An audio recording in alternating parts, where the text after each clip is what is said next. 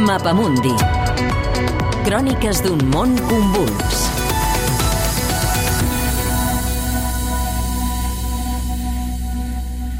Itàlia. Han de poder votar els joves de 16 anys? Poder votar als 16 anys és una de les prioritats que hauria de fixar el nou govern italià.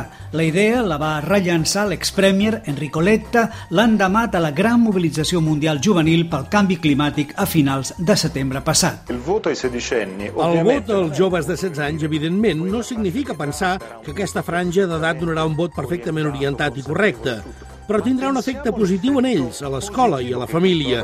Tindran una altra ocasió per dialogar amb els seus pares, per intentar buscar claus de lectura, per entendre's. S'hauran de plantejar el problema.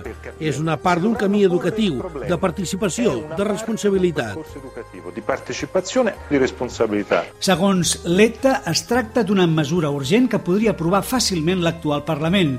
Majoria i oposició estan d'acord i, de fet, la idea té el suport de les tres grans formacions polítiques, Partit Democràtic, Lliga i Moviment 5 Estrelles.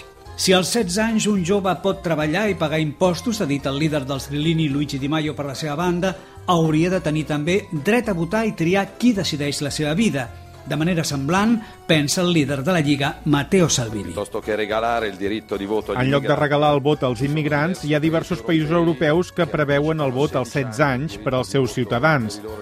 Per tant, voldria que Itàlia impliqués aquesta part de la població, donant-los dret de vot, fins i tot en el marc d'eleccions polítiques.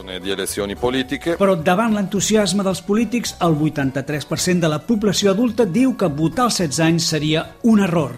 Sobretot plegat, el politòleg Piero Ignazzi, col·laborador de República, escriu el següent. Buscar el vot dels joves és un signe de senectut per part dels polítics, una mena d'abdicació de la responsabilitat.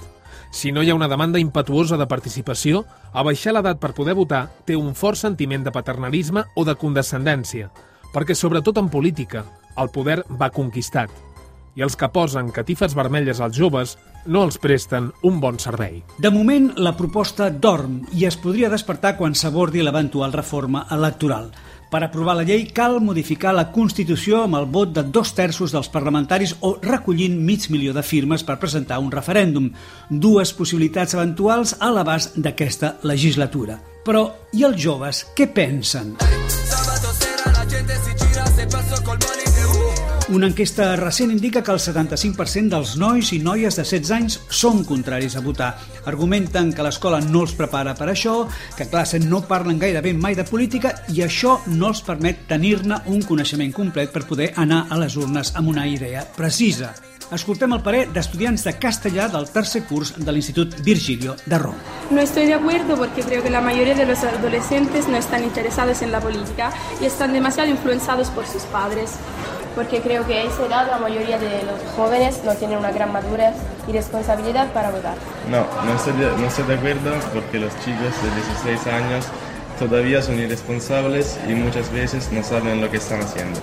Lo que pienso es que los padres y los profesores tendrían que preparar mucho más a los chicos, porque para algunas personas solo sería poner una cruz en una hoja. La majoria dels joves opinen que els polítics han presentat aquest projecte no només per oportunisme i per guanyar consens, sinó per responsabilitzar-los i aproximar-los a la política. Yo pienso que sea para obtener más votos.